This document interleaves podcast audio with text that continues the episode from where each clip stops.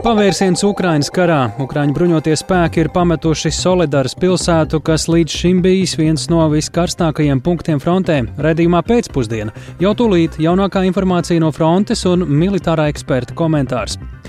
Lielāka skaidrība par skandālu Daugopils universitātē. Vairākas personas tiek turētas aizdomās par vairāk nekā pusmiljonu eiro Eiropas fondu naudas izsaimniekošanu. Izņemts iespaidīgs informācijas apjoms, datu nesēji, tie ir vismaz trīs projekti, kas ir realizēti Daugopils universitātē. Laika posms ir 2018. sākot līdz 2022.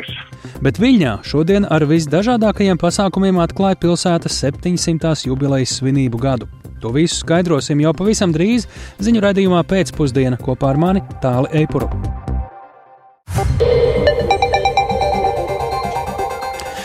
Pūkstens ir 16,5 minūtes. Skan pēcpusdienas ziņu programma, skaidrojot šodienas svarīgos notikumus. Studijā tālāk Eipors. Ukrainas bruņotie spēki pēc ilgām un smagām cīņām ir pametuši Solidars pilsētu. Tā bija viena no viskarstākajiem punktiem frontē. Tikmēr intensīvas cīņas joprojām notiek turpat netālu esošajā Bahmutas pilsētā. Šis vēsts no frontes pienākušas vienlaikus ar Vācijas paziņojumu, ka tā piegādās Ukrainai savus modernākos tankus. Ļoti iespējams, ka ar līdzīgu paziņojumu šodien klajā var nākt arī Amerikas Savienotās valstis. Plašāk par visu Ulda Ķēzbera ierakstā. Vairākas nedēļas frontei galvenā uzmanība bija pievērsta Solidarai Donetskas apgabalā. Nelielajā pilsētā notika asiņainas cīņas starp Ukrainas aizstāvjiem un iebrucējiem no Krievijas. Jau iepriekš Krievijas spēki apgalvoja, ka kontrolē Solidaru, bet Ukraiņi to noliedza. Taču šodien Ukrainas bruņotie spēki apstiprināja, ka armijas vienības ir pilnībā pametušas sagrauto pilsētu. Ukrainas armijas pārstāvis Serhijas Červatīs medijiem sacīja, ka tas ir darīts, lai saglabātu karavīru dzīvību. Saskaņā ar viņa teikto, Ukrainas aizstāvji paveica savu galveno uzdevumu Solidarā, nepieļāva, ka ienaidnieki izraujas Donetskas apgabala administratīvo robežu virzienā. Červatīs arī apgalvoja, ka neraugoties uz ievērojamo pretinieku pārsvaru, Ukraiņi nodarīja milzīgus zaudējumus Krievijas spēkiem. Pēc Ukrainas spēku aiziešanas no Solidaras kaujas ir pastiprinājušās pie aptuveni 20 km attālās Bahmutas. Ukrainas robežsardzes dienas šodien publicēja video, kurā redzams, kā Ukrainas spēki ar artilēriju apšauda Krievijas tankus.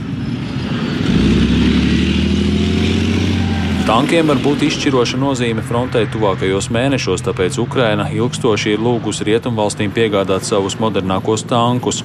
Kīva jo īpaši vēlējās vācu tankus Leopard 2, bet līdz šim Berlīna nedeva zaļo gaismu to piegādēji. Tas mainījās šodien, jo Vācijas kanclers Olafs Šolts paziņoja, ka atļaus piegādāt Ukrainai vismaz 14 tankus Leopard 2. Das ist das Ergebnis intensiver Beratung erneut mit unseren. Tas ir rezultāts intensīvām konsultācijām ar mūsu sabiedrotajiem un starptautiskajiem partneriem. Un es gribu uzsvērt, ka tas bija pareizi un ir pareizi, ka mēs neļāvām nevienam izdarīt spiedienu uz sevi, bet tā vietā mēs paļāvāmies uz šo ciešo sadarbību un turpināsim to darīt. Mūsu mērķis ir kopā ar sabiedrotajiem, cik vien ātri iespējams nodrošināt Ukrainai divus tanku bataljonus. Mēs nodrošināsim apmācību, loģistiku, munīciju un sistēmu apkopi. Un dodiet mūsu partnervalstīm iespēju tās nodrošināt. Šolts arī paziņoja, ka Berlīne neliks šķēršļus partnervalstīm, kas nolems piegādāt Ukrainai vācu tankus. Iespējams, ka šodien arī ASV paziņos par savu modernāko tanku Abrams piešķiršanu Ukrainai. Saskaņā ar mediju ziņoto, amerikāņi sākotnēji varētu piegādāt aptuveni 30 tankus. Militārie eksperti prognozē, ka vācu Leopard 2 tanki tanki frontē Ukrainā varētu parādīties tuvāko divu vai trīs mēnešu laikā, bet amerikāņu Abrams ne agrāk kā pēc sešiem līdz astoņiem mēnešiem. Uldis Česberis, Latvijas radio. Mēģināsim vērtēt situāciju kopā ar Zemesardzes pirmās Rīgas brigādes komandieru pulkvedi Kasparu Pudānu. Labdien! Turpat eh, dažu kilometru attālumā no Soldaras eh, zemāk uz dienvidu rietumiem, kā jau dzirdējām, ir Bahmutas pilsēta, kur joprojām turpinās sīvas cīņas. Ko Solidaras atstāšana nozīmē attiecībā uz kopējo situāciju frontē un uz tūmā esošajām pozīcijām, kā jūs teikt? Nu, ja mēs skatāmies uz tūmā, sākot no tūmā esošajām pozīcijām, protams, eh, pagaidām es neredzu uzreiz, ka tas ietekmētu un ļautu uh, Krievijas pusē tā brīvi ieņemt un pārņemt Bahmutu, jo neliecina tie līdzšinājie manevri un pārējā informācija, kas turpinājusies, ka viņi tiešām ir spējīgi turpināt un turpināt tālāku izrāvienu un pārņemt, ieņemt pilsētu. Kopējā frontes līnijā tas, um, protams, es domāju, visas uh, tā apgabala, ja būtu krišana vai Krievijas puses pārņemšana, varētu varbūt ļauties uh, viņu tālākam virzībai, bet vienlaicīgi varbūt tas ļautu drīzāk atbrīvot arī Ukraiņiem savus kādus spēkus cita virziena sagatavošanā. Bet pagaidām gan es domāju, ka Ukrainas pusē ir plāns šo rajonu cik ilgi spējams noturēt, jo tas mērķis, lai arī varbūt viņai nav taktiska vai operacionāla nozīme, bet vienkārši ar spēku, Krievijas puses spēku piesaistīšanu tāda varētu būt tā, tā viņa taktika šajā risinājumā arī skatoties uz kopējo fronti plašāk. Bet nu jau kādu laiku nekas nav dzirdams par kādiem tādiem vērā ņemamiem Ukrainas armijas panākumiem un virzību uz priekšu pēc Harkivas apgabala Hersonas operācijām šķita, ka varbūt varam ik pa laikam gaidīt ko līdzīgu, bet šodien saņemam, piemēram, šādas ziņas par solidāru, kam šobrīd piedara iniciatīva karā. Es joprojām domāju, ka iniciatīva kopējā karā un arī operacionālā līmenī tomēr ir, eh, tomēr ir Ukrainai, jo man liekas, ka mēs vairāk paši šeit diskutējam, vairāk tomēr joprojām skatāmies uz to, kur tad varētu būt tā, turpmākais Ukrainas trieciens, un varbūt mazāk ticam tam un redzam to, kāds varētu būt pretdarbība Krievijas pusē. Jo vairāk informācijas skatāmies Krievijas rīcība ir tomēr aizsargājoši citos visos sektoros. Skaidrs, ka jau pārdie pēdējos mēnešus ir tieši šī Donbass reģions, varbūt tur atgūšana, robežu sasniegšana ir tas galvenais mērķis, kur viņi arī koncentrējās. Šajā konkrētajā vietā varbūt viņi spējuši pārņemt kādu taktisko, taktisko iniciatīvu ar šīs vienas eh, vietas pārņemšanu, bet kopumā es apgalvot, ka joprojām noteicēja tas, kāda varētu būt tālākā kara gaita attīstība tomēr pagaidām ir Ukrainas pusē. Mēs pirms brīža dzirdējām jaunumus par tanku piegādēm Ukrainai. Tas noteikti nav tuvāko nedēļu jautājums pāris mēneši, kā minimums izklausās. Kad mēs šo ziņu īstenošanās darbībā varētu redzēt izmaiņās kaujas laukā, kā jūs to redzētu? Nu, par laikiem grūti spriest, jo tie paziņojumi jābalsta man uz to pašu, ko saka par tehniku piegādi un daudz citi, kas tika pieminēti faktori par to, cik ātrā laikā viņi tiktu pielietot. Bet kādas izmaiņas, nu skaidrs, tas liek nopietnāk ticēt tiem pareģojumiem par iespējamiem pretuzbrukumiem, ko pavasara ofensīvā vai jau vēlāk arī Ukrainas puses veikt. Jāskatās uz tankiem, protams, arī nav izolēti, ka tanki vien ir kaut kas, kas to radīs. Tas jāliek kopā kompleksā ar tiem iepriekš sniegto to atbalstu un palīdzību gan kājnieku mašīnām, gan pašgāju haubicēm, kas, kas var nodrošināt tiešām kādu izlaušanos zīmīgās vietās. Un ņemot vērā, ka tas tomēr ir manevrēt spējīgs elements un ar lielu arī uguns jaudu, tad, protams, vienkārši Ukraiņi paši noteikti labāk zinās un atradīs, balstoties uz izlūkošanas informāciju, kur šādu triecienu triecienu veikt. Es domāju, tas tikai palielina to ticamību, ka šāda iespējamība arī būs. Tas neizslēdz to, ka ir nepieciešami arī turpmāka ieroču atbalsts, gan tālās darbības e, ieroči, gan iespējams tagad jau runas sāks parādīties arī par to, kā pārņemt kaut kādu kontroli arī gaisa telpā vai lielāku iespēju, jo arī tas noteikti būtu būtisks, lai varētu straujus pretuzbrukumus veikt Ukrainas pusi.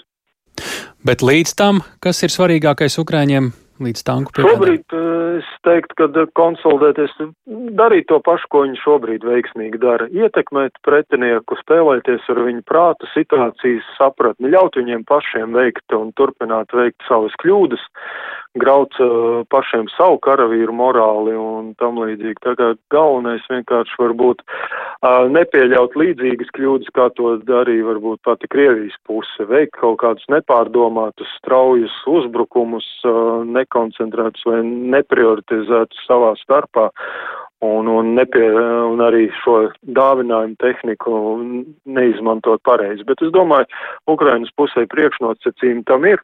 Tā tomēr ir armija, kurai ir bijuši tanki, tātad pamats kaut kāds ir ielikts. Viņi vienkārši dabū daudz modernākus un jaudīgākus uh, tehnikas vienības savā rīcībā. Liels paldies! Pulkvedis Kaspars Pudāns, Zemesardzes pirmā Rīgas brigādes komandieris.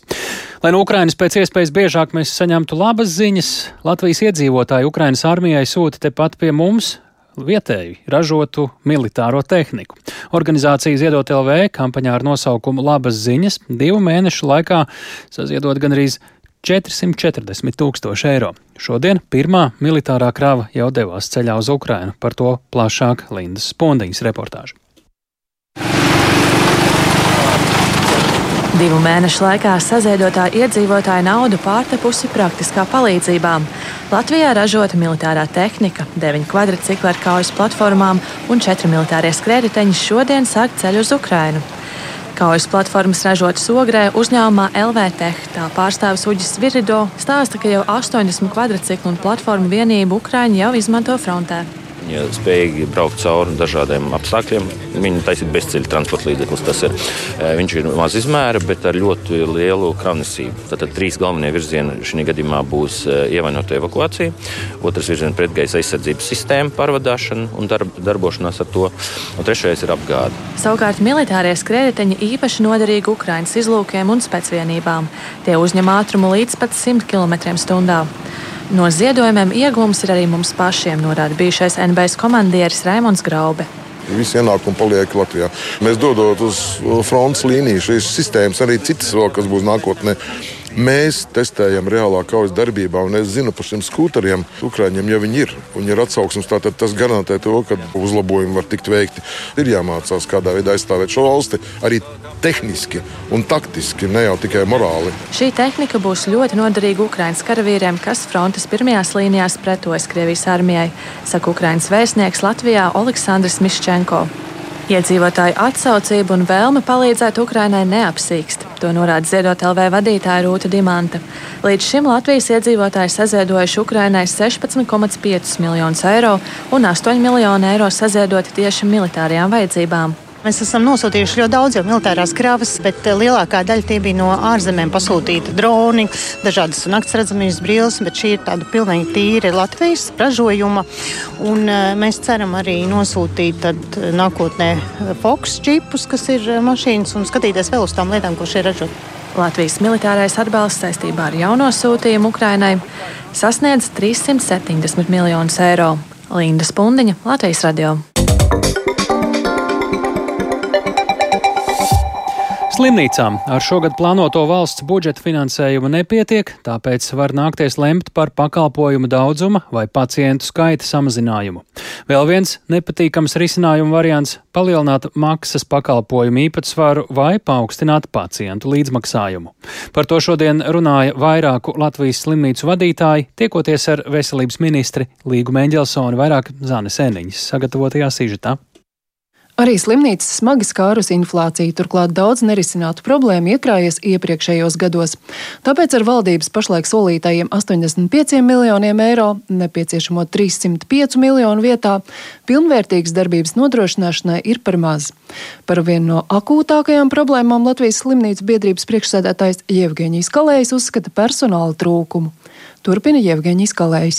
Nu, pirmā degošākā problēma, protams, ir personāls. Lai vispār izpildītu tās pamatnostādnes, mums vajag daudz vairāk un daudz labāk atalgotu personālu, daudz labāk motivētu personālu, lai to visu izdarītu. Gan vairāk darbinieku, gan Jā, sevišķi, sevišķi tas attiecās uz māsām. Tas, ko patreizējā brīdī mēs zinām, nu, tā situācija ir diezgan dramatiska. Mums ir aptuveni vienāds māsu un ārstu skaits, bet māsām ir jābūt visā tādā veidā veselības aprūpas nozarē zināmi skaitļi ir četreiz vairāk māsu nekā ārstu. Arī Ziemeļkurzemes reģionālās slimnīcas valdes priekšsēdētājs Juris Lācis piekrīt, līdzekļi pirmām kārtām vajadzīgi personālam, nevis kādām iekārtām. Ar naudu, kas pašlaik tiek solīta, vairs nav iespējams nosekt visas samilzušās izmaksas, stāsta Juris Lācis. Protams, slimnīca turpinās eh, sniegt neatliekamo palīdzību arī mūsu gadījumā, kā tas ir vienmēr bijis arī pandēmijas laikā bet tās sekas varētu būt tas, ka pieaugs rindas uz plānveidu pakalpojumiem. Ministra Līga Meņģelsone pauda izpratni par slimnīcas problēmām, taču izteicās, ka ārstniecības iestādēm jāstrādā kā rūpīgiem saimniekiem, plānojot esošo finansējumu.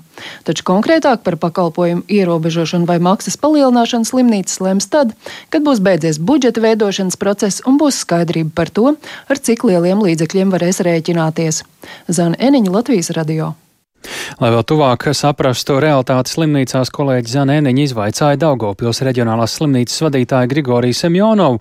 Viņš saka, ka līdzīgi kā citās ārstniecības iestādēs cenu kāpuma un finansējuma samazinājuma dēļ, šī slimnīca jau vismaz pusgadu pastāvīgi ir parādā par medikamentiem, pārtiku, elektrību, siltumu, un šī gada sākumā parāds bija ap 1,6 miljoniem eiro. Slimnīcas vadītājs stāsta, ka pirmām kārtām cenšas samaksāt algas un nodokļus, bet ar pārējiem pārējiem maksājumiem žonglē, lai piegādes nepārtrauktu vispār. Par to, kurās jomās pakalpojumus varētu samazināt, kur ne, stāsta Grigorijs Semjonovs. Nu, droši vien mūsu nozarē tas jau precīzi jau gadiem ilgi izstrādāta sistēma, un kas pierādījusi sevi arī pandēmijas laikā, kad bija jāķerās klāt pie pakalpojumu ierobežošanas, tas simtprocentīgi ir neatliekamas medicīniskas palīdzības sniegšana, tas ir pirmā prioritāte, tas ir onkoloģija, nu, kā mums jau ierasts, ir, ir iestrādāts strateģiskajos plānos, un, protams, pirmais, kas droši vien tas skars, tas ir, diemžēl, tas tam arī būs sēkas iespējamās nākotnē, bet tas ir plānveida pakalpojumu sniegšana, varbūt ķirurģisko, terapeitisko kronisko, kronisku pacientu ārstēšanu, diemžēl plānveida. Bet tas vēl tiks risināts un droši vien nu, tas arī izkristalizēsies jau. Uh, precīzāk, nu, tuvāko divu mēnešu laiku. Vai varētu arī būt tā, ka jūs samazināt ārstēto pacientu apjomu? Nu, tas, diem, diemžēl tas neizbēgami. Ja, ja mēs redzam, ka mūsu izdevumi pieaug, ja inflācija kāp un mums vēl, mēs paliekam pie tās naudas, kas bija pirms inflācijas perioda, pieaugot vērtībai, pakalpojumu vērtībai, nu, simtprocentīgi saņēmēju skaitam būs jāsamazinās. Un tad, liela, tad atlikusi daļa aizies uz, nu, teiksim, uz tā, teiksim, pacientu iesaisti. Vai jūs varat ar kādu piemēru mm, ilustrēt, kā ir sadārdzināts šis pakalpojums? Nu, pirmais, tāpat kā arī visiem pārējiem, tas ir energoresursi, kas pēc tam pēc cikliskas problēmas ietekmē arī visu pārējo cenu kapumu.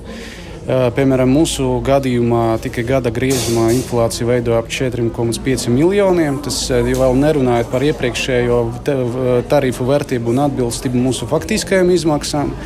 Līdz ar to tas arī tas atbūrtais aplis, teiksim, jā, mūsu tad, iespējams maksāt nespēja reizēm un nelaicīgā tad, norēķināšanas par rēķiniem, nu, tad attiecīgi veido kaut kādas problēmas arī piegādātājiem. Tas ir cikliska problēma. Līdz ar to tā ir jāķeras klāt maksimāli ātri, kas, ko arī pateica ministri, lai mēs varētu salikt galus un salikt pa plauktiņiem turpmāko rīcību. Tālūk, Daugaupils slimnīcas vadītājs Grigorijs Semjonovs kolēģei Zanē Eniņai. Un paliekam Daugopilī, jo turpinām sekot skandālam Daugopils universitātē. Tur ir aizdomas par iespējamu krāpšanos ar Eiropas Savienības sociālā fonda līdzekļiem 600 tūkstošu eiro apmērā. Valsts policija kopā ar Eiropas prokuratūru tur vakar veikusi procesuāls darbības un tiek ziņots par vairākiem aizturētajiem, tostarp universitātes rektoras vietnieku. Šodien sasaukt arī Daugopils universitātes padomas sēde un no Daugopils ziņo Silvijas Magare. Tas, ko šodien izdevās noskaidrot un apstiprināt Eiropas prokuratūras uzsāktajā procesuālajā lietā saistībā krāpšanos Dāngapas Universitātē ar Eiropas Savienības sociālā fonda līdzekļiem vairāk nekā pusmiljonu eiro apmērā, ir tas, ka galvenais figurants prokuratūras un policijas uzsāktajās pārbaudēs ir Dāngapas Universitātes rektoras vietnieks attīstības jautājumos un augstskolas padomes loceklis Jānis Kudiņš. Aizturētas vēl divas privātpersonas. Radio stāsta Eiropas prokuratūras prokurors Gatis Doniks. Un tā informācija, kas ir izskanējusi publiski, faktiski arī norāda to personālu loku, ar kuru mēs strādājam un veicam izmeklēšanas darbības. Notiek pirmstiesas izmeklēšana, un, protams, tā ir plānota pirmstiesas izmeklēšana, un darbs būs apjomīgs, ņemot vērā to, ka ir izņemts iespaidīgs informācijas apjoms, datu nesēja, tas viss ir procesuāli jāapskata, jāanalizē. Tie ir vairāk projekti, tie ir vismaz trīs projekti kas ir realizēti Daugavpils universitātē. Laika posms ir 2018. sākot līdz 2022. Vakar Izglītības un zinātnes ministrija pieprasīja Dāngāpas Universitātes padomei nekavējoties sniegt paskaidrojumus par iespējamo krāpniecību ar Eiropas Savienības fondu līdzekļiem. Šā pēcpusdienā tika sasaukta Dāngāpas augstskolas padomes sēde. Ministrijas komunikācijas dienestā skaidro, ka paskaidrojums vēl nav saņemts. Mēs vairāk ar augstskolai prasījām, nu, lai viņi izskatās, cik viņi zina izstāst situāciju, kā viņi rīkosies. Nu, lai neatkārtotos, vai tur kāds jāapstādina ir vai kaut ko ir. Bet, nu, to, to droši vien, ka viņiem arī jāsaprot pašiem sākumā, kas tur notiek. Tiesības sargājušās institūcijas jau pats sniedz tikai to informāciju, ko var, lai netraucētu izmeklēšanai. Mēs gaidām no augstskolas, bet es nezinu, kad būs un ko viņi tur zinās. Tātad uz šo mirkli zināms, ka šajā krimināla procesā aizturētas trīs personas, un par šādu krāpšanas noziegumu, kāds iezīmēts šajā lietā, draud līdz pat desmit gadiem ilgs ieslodzījums. Silvijas Magara Latvijas radio studijā Latvijā. Trīs Rīgas domas deputāti, kuri iepriekš pameta partiju konservatīvie, ir izveidojuši politisko bloku Kots Rīgai kopā ar deputātu Mičerēvski, bet eh, Lietuvas galvaspilsēta Viļņa šodien atklāja pilsētas 700. jubilejas svinību gadu par šiem tematiem pēc brīža plašāk.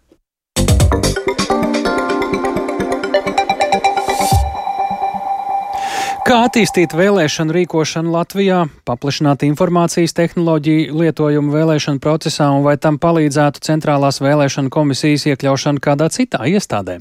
Uz šiem jautājumiem būs jāatbild nākamajai centrālajai vēlēšanu komisijas vadībai un tieši šodien apstiprināšanai saimā virza nākamo CVK sastāvu un, visticamāk, Kristīnas Saulītes vadībā. Juridiskā komisija te vienbalsīgi lēma virzīt jauno sastāvu apstiprināšanai saimnes plenārsēdē. Un par komisijas darba izaicinājumiem vairāk eh, esam studijā aicinājuši stāstīt Jāni Kīns Lūzjāni. Jā, atbilstoši likumam, saima nevēlāk kā sešus mēnešus pēc sanākšanas apstiprina jaunu centrālās vēlēšana komisijas sastāvu, un visas septiņas saimas frakcijas ir izvirzījušas kandidātus darbam komisijā, dažus ar pieredzi CVK, bet vairumu ne. Tas notiek laikā, kad ar centrālās vēlēšana komisijas vārdu saistās dažādas nebūšanas, korupcijas novēršanas un apkarošanas birojas kādā komisijas iepirkumā kopā ar vēlēšanu IT risinājumu ilgadējo nodrošinātāju CSOR ir saskatījis krāpšanu un dokumentu viltošanu, ko otra puse noliedz.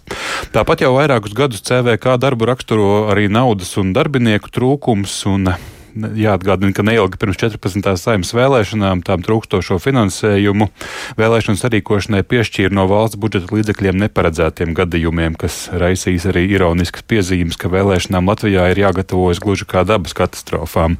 Un zinot šo problemātiku, valdošās koalīcijas frakciju virzītā nākamā centrālā vēlēš, vēl, centrālās vēlēšana komisijas vadības kandidāte Kristīna Saulīte sola likt lietā savu vadības pieredzi gan Pasaules Brīvo Latviešu apvienības vadībā, gan citvieta un arī stiprināt dialogu ar sabiedrību. Paklausīsimies viņas teikto.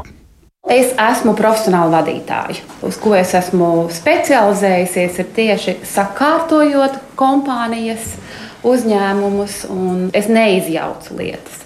Manuprāt, ir ļoti svarīgi saprast tās vērtības, kas ir noteikti institucionālās atmiņas, Es noteikti, pavisam noteikti esmu komandas cilvēks.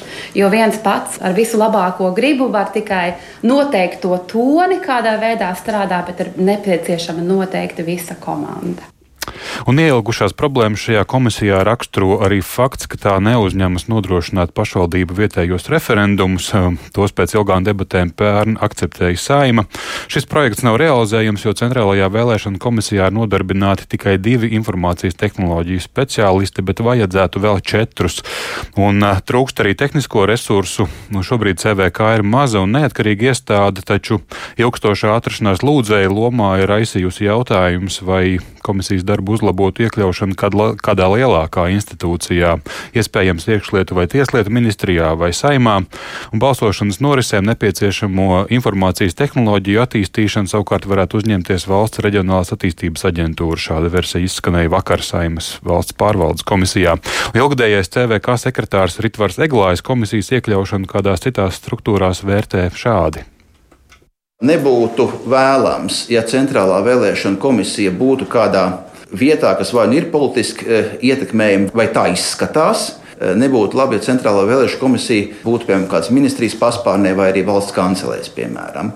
Tas virziens, kas varētu būt attīstāms, kā Centrālās vēlēšana komisijas varētu palikt kā šaura iestāde, kas nodarbojas ar vēlēšanu rīkošanas pašu procesu un vēlēšanu politikas lietām. Savukārt, atbalsta funkcijas un varbūt tieši arī nu, IT risinājumu un, un IT sistēmas var apkalpot arī kāda cita iestāde.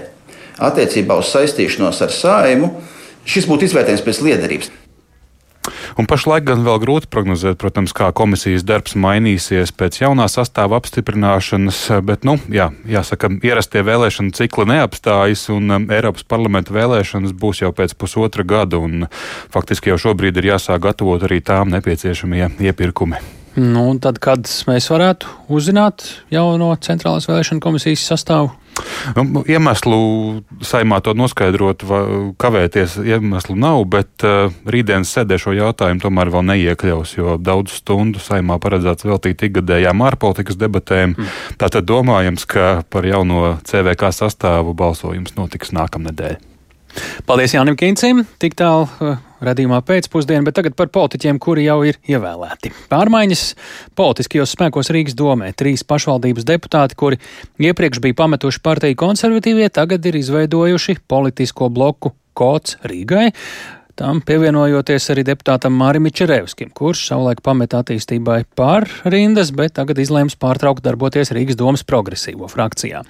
Tagad uh, viņš jauno politisko bloku kodols tātad veidos tātad kopā ar uh, Rīgas vicemēru Lindu Ozolu, Jāni Ozolu un Dāvis Taltu, un līdz ar bloka izveidošanu deputāti ir nodibinājuši arī centriski konservatīvu biedrību ar nosaukumu Kots. Esam sazinājušies ar jaunā politiskā bloka vadītāju Lindu Ozolu. Labdien! Labdien!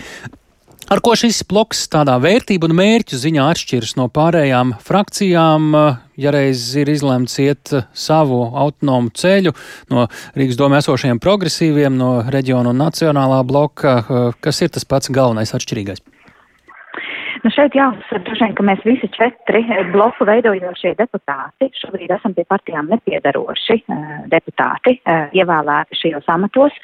Un, manuprāt, ir ļoti svarīgi, ka mēs vienojamies par šādu vienotu platformu, kur mēs definējam vērtības, kas mums ir kopīgas, no kuras, izējot no kurām mēs arī strādājam. Un, Tad tas vairāk tādējā... tāds tehnisks nekā politisks bloks sanāk. Nē, tas, nu? tas protams, ir. Tad tā, kas protams, ir tās vērtības, politiski... kas jūs vieno? Kas, un atšķir no citiem? Mums, tieši tā, tas, kas mums ir ļoti svarīgi, ir jautājums saistībā ar tiesiskumu, ar demokrātiju, ar drošību stiprinoši. Tas ir gan Rīgas kontekstā, gan arī skatoties tālākā perspektīvā. Ar ko tas no pārējiem atšķiras? Kāpēc nepievienoties pārējiem, bet tomēr būt atsevišķi? Kas ir tā atšķirība jums no viņiem? Nu, šeit eh, es eh, neviens no mums eh, nu, nav sajūtis tādu vēlmi arī vienkārši saplūst ar kādu citu politisko spēku. Un, Bet kas jūs atšķir no viņiem? Bez manis minētajiem, protams, arī tad lojalitātes un, un uzticības valstī un galvaspilsētai uh, aspekti, kas mums ir, uh, mums ir ļoti svarīgi. Un uh, ņemot vērā, ka mēs esam strādājuši visi četri kopā, arī ar Mārmiču Revs, kas esam strādājuši iepriekšējā sasaukumā, tad nu, par savu darbu stilu un, un, un vērtībām mums ir bijusi iespēja arī pārliecināties. Jūs arī turpināsiet atbalstīt esošo koalīciju un Rīgas mēru, jā? Ja? Uh, esam to apliecinājuši uh, visās šajās dienās un arī šodien. Tostarp uh, tikko nobalsojot arī dzen par Rīgas domas tehnisko budžetu, ka mēs atbalstam esošo koalīciju, strādājam tajā un atbalstam arī domas priekšsēdētāju Mārtiņu Staķi. Jo jums ir tās četras balsis, kuras Rīgas domē koalīcija ir virs maģiskām 30 balsīm, kas ir būt 50%. Jā, eh, jā, un eh, droši vien eh, es domāju, tas ietekmēs arī to darba stilu, kāds ir, būs atlikušajam šī sasaukuma laikā. Kā ietekmēs? Kur, Es ceru, ka pozitīvi, kas nozīmē, ka visiem koalīcija veidojošiem spēkiem būs cieņpilni jāstrādā kopā un jāieklausās vienam otrā. Vai ir plāns dibināt arī politisko spēku, ja reiz arī biedrība tiek dibināta, jo tas mūsu pieredzē ir bijis priekšvēstnesis politisku spēku dibināšanai? Jā, mēs skatīsimies, eh, kā tālāk eh, mūsu darbs attīstīsies tālāk. Vai mums ir ambīcija, ņemot vērā, ka mēs esam politikā, protams, mums ir ambīcijas politikā arī strādāt, bet eh, dibinot šo biedrību, mans mērķis ir arī aicināt viedokļu līderus cilvēkus, kuri redz, ka viņiem ir pienesums un kaut kas, ko viņi grib ieguldīt attīstot savu pilsētu, galvaspilsētu, kur mēs šobrīd esam varas pozīcijā, bet arī uh, mūsu valsti kopumā uh, izvērtēt savu iespēju iesaistīties biedrībā un, uh, un sniegt savu ieguldījumu. Ja tam būs atsaucība uh, šim te virzienam, kur mēs cilvēku kā vērtību liekam centrā, tad tam ir arī iespējas potenciāls izaug par politisku spēku. Noteikti. Sakām paldies Linda Jozolai, Rīgas vicemērei un arī tagad jaunā politiskā bloka Rīgas pašvaldībā ar nosaukumu Kots Rīgai vadītāju. Esam sazinājušies Rīgas Stradiņu Universitātes politikas zinātnes katedras docenti Leldi Metlu Rozentāli. Labdien! Labdien! Paskaitot balsis, mēs jau te to pieminējām. Šobrīd bez šī bloka Rīgas koalīcija paliktu ar 30 balsīm. Šis bloks gan šobrīd nedraud, ka varētu būt un atšķelties no koalīcijas, bet kā šāda bloka nodibināšana maina Rīgas domas darbu? Uh, nu, jāsaka, ka Rīgas domas darbu iespējams tā līdz galam, kā izskatās, īpaši tas nekā nemainīs. Jo, cik saprotams, tad, nu, protams, šiem, šiem te četriem deputātiem tādā ilgtermiņā daudz izdevīgāk tomēr ir uh, atrasties uh, kopā ar koalīciju vai pozīciju arī šajā te pašvaldības līmenī. Uh, tas ir svarīgi. Un tāpēc viņi, es domāju, ka visdrīzāk arī turpinās, kā jau viņi ir iezīmējuši šo te savu atbalstošo kursu. Bet, kas ir svarīgi, ir skaidri jāsaprot, ka Ozols kundze grib turpināt šīs te konservatīvās partijas uh, konceptu, un viņa vairs nevar palikt kā vai nu deputāts bez partijas vai kā cilvēks, ko asociē ar konservatīvo partiju. Līdz ar to ir ļoti svarīgi, gatavojoties un domājot par nākotni, izdomāt kādu citu nosaukumu un pozicionēt sevi kā piederīgi kādai citam politiskajam spēkam un pamazām veidot savu atpazīstamību. Tāpēc es domāju, ka tas ir tāds uh, pragmātisks ilgtermiņa mērķis uh, strādāt uz to, lai veidotos paralēla konservatīva orientēta, nu, pagaidām ne partija, bet, teiksim, šī te apvienība vai bloks, kas varētu pēc tam pārtapt partijā un konkurēt ar uh, jau esošo konservatīvo partiju, ko arī vēl nevajag norakstīt, ņemot vērā, ka viņai tomēr ir valsts finansējums un līdz ar to tas palīdz partijai uzturēt sevi. Un līdz ar to šādā ilgtermiņā domājot, es domāju, tā ir tāda mērķiecīga stratēģija. Bet uh, mums arī tā arī nevarēja atbildēt, ar ko tad viņi atšķiras šobrīd no kaut vai vismaz Rīgas domē esošajiem politiskajiem spēkiem, kur nu vēl no līdzšinējiem konservatīviem. Viņi, uh, nu, kā, ka viņi atbildēja, kāpēc viņi negrib iet pie kādiem citiem, jo viņi grib palikt paši kā atsevišķi politiskais spēks, kā es teicu, turpinot šo konservatīvo ideju.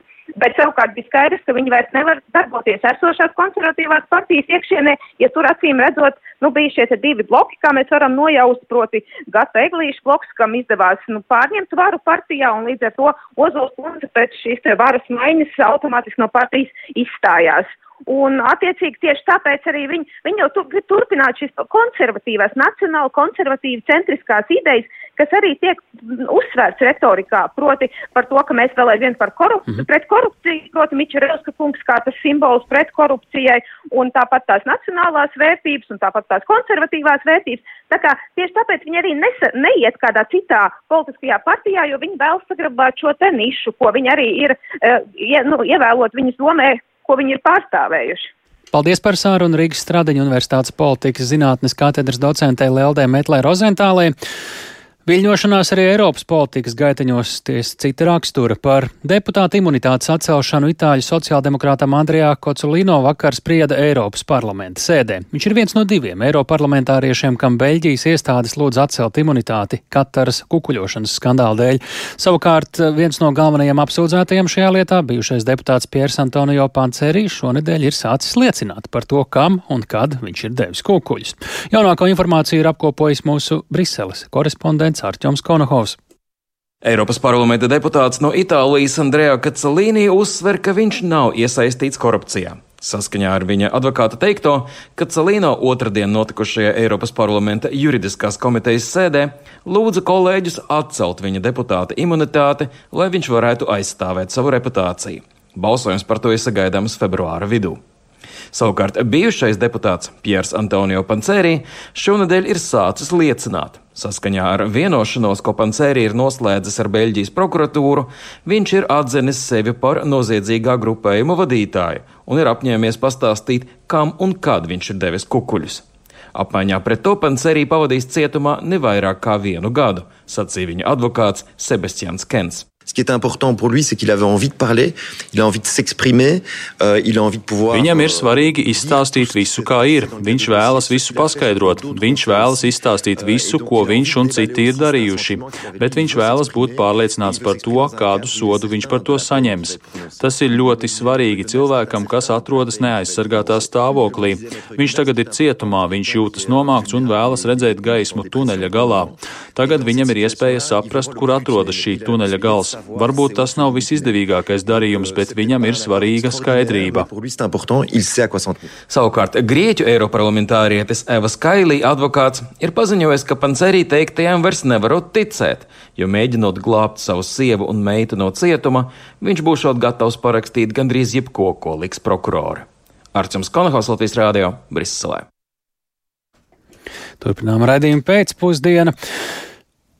700. jubileju šodien sāk svinēt Lietuvas galvaspilsēta Viļņa. Svinības ilgs visa gada garumā, un šodien par godu svinību sākumam Lietuvas prezidents Gitāns Nausēda Viļņā tiksies ar Eiropas pilsētu mēriem. Jau šīs tikšanās notiek. Piemēram, šodien vakarā pilsētā sāksies arī gaismas festivāls.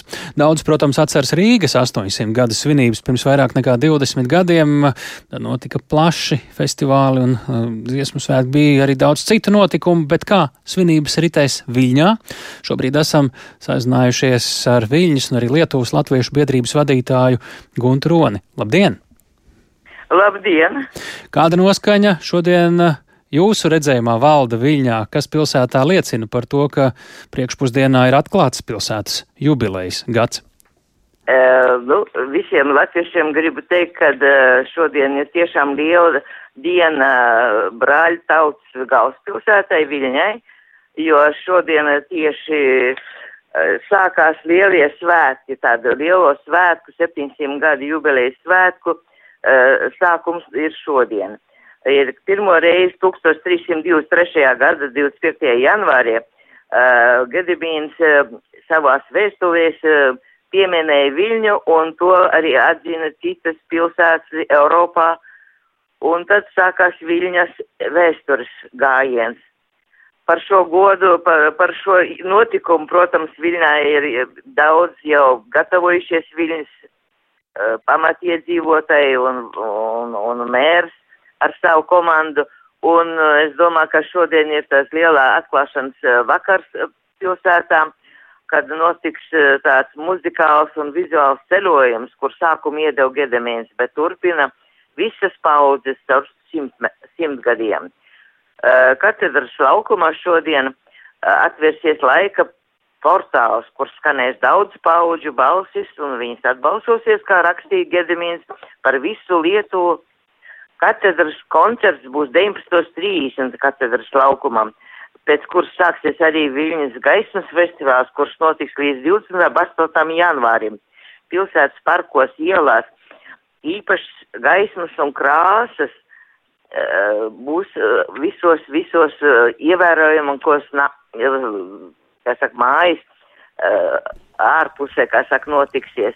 Un šodien 11. atklāja Gedimina pils pagalmā, atklāja piemiņas plāksni, Gedimina vēstules ar viņam novēlējumiem šitai pilsētai. Mm -hmm. Nu, Par godu šita, šitiem svētkiem arī Viļņa tika apbalvota ar Ukrainas prezidentu Vladimiru Zelenska goda titulu pilsētas, pilsēta glābēja. Bija tāds ap, apbalvojums pilsētai piešķirs, kur Ukrainas prezidents šo Jā. ieteica uh, Viļņas mēram.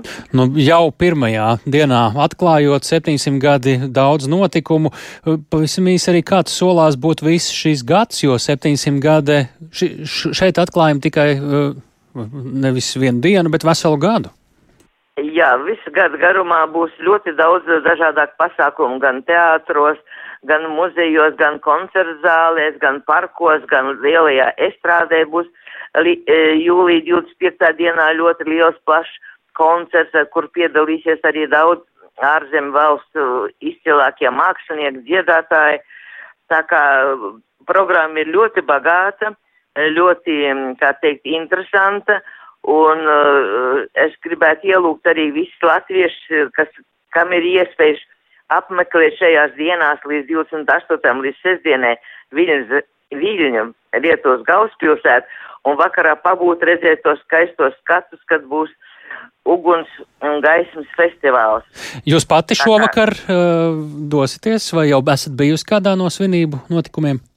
Nē, nu šovakar tas notiek tas lielākais pasākums, un es pat ar šovakar dodos uz, uz Gedimīna pils uh, koncertu zāli, kur uh, klausīšos koncertu baroko mūzikas, un pēc tam piedalīšos pilsētas ielās, katedras laukumā, kur būs atklāšana šito svētku, un pēc tam apskatīsimies arī visus tos gaismas festivāļa instalācijas, kas notiksies.